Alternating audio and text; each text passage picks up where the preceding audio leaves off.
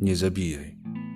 Mówił niegdyś Bóg ze Synaju, z góry Tabor, spod świętej figi indyjskiej lub ustami Helczyckiego, Skargi, Mickiewicza. Nie poniżej, mówił najświetlańszy intuicjonista, ukrzyżowany jak nietoperz na bramach ciemnoty. Kain zabił tylko brata.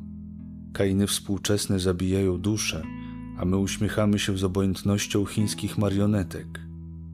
Widział Piotr Kaina, który nie biega już z maczugą, ma dobrze leżący tużurek, robi interesa na wszystkim, wybiera z menu świata najlepsze potrawy, zna się na kobietach, proteguje sympatyczne mu talenty i uznaje jakąś powolną, niezależną od woli ewolucję. Oto nawet wchodzi do kościoła, gdyż jest tam uroczyste nabożeństwo za uznaną narodową chwałę. Nieszkodliwą już, bo z ducha pogrobowego usunięto wszystkie pierwiastki, które od ludzi żądają bohaterstwa, mocy twórczej i zaparcia się. Wzniosło się olbrzymie, jak synagoga diabła Hapuna, bagno dusz.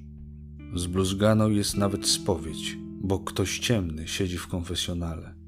Nagle zaczęto kamienować Piotra, przeklinając matkę, która go wychowała na Mickiewicza dziadach. Wali się w otchłań, skąd już nie ma wyjścia. Czarno ohydnie. Rozdeptano mu jego gwiazdy. Boleść najgorsza, najtępsza, że się jest robakiem ziemi. Sime Kogen, Mechorkeran. Mroczno, okropna wilgoć, rozdeptali. Pełne oczy, pełne usta infernalnej wilgoci. Zabiwszy, tłumy odwróciły się od niego. I wtedy rozpoczęła się dzika karuzel wszystkich kabaretów. Tłumy szły na Wawel, aby go wyburzyć i nie zostawić kamień na kamieniu. Nagle ze zdumieniem ujrzał tych, którzy są wrotnymi bram wysokich i czuwając, czują.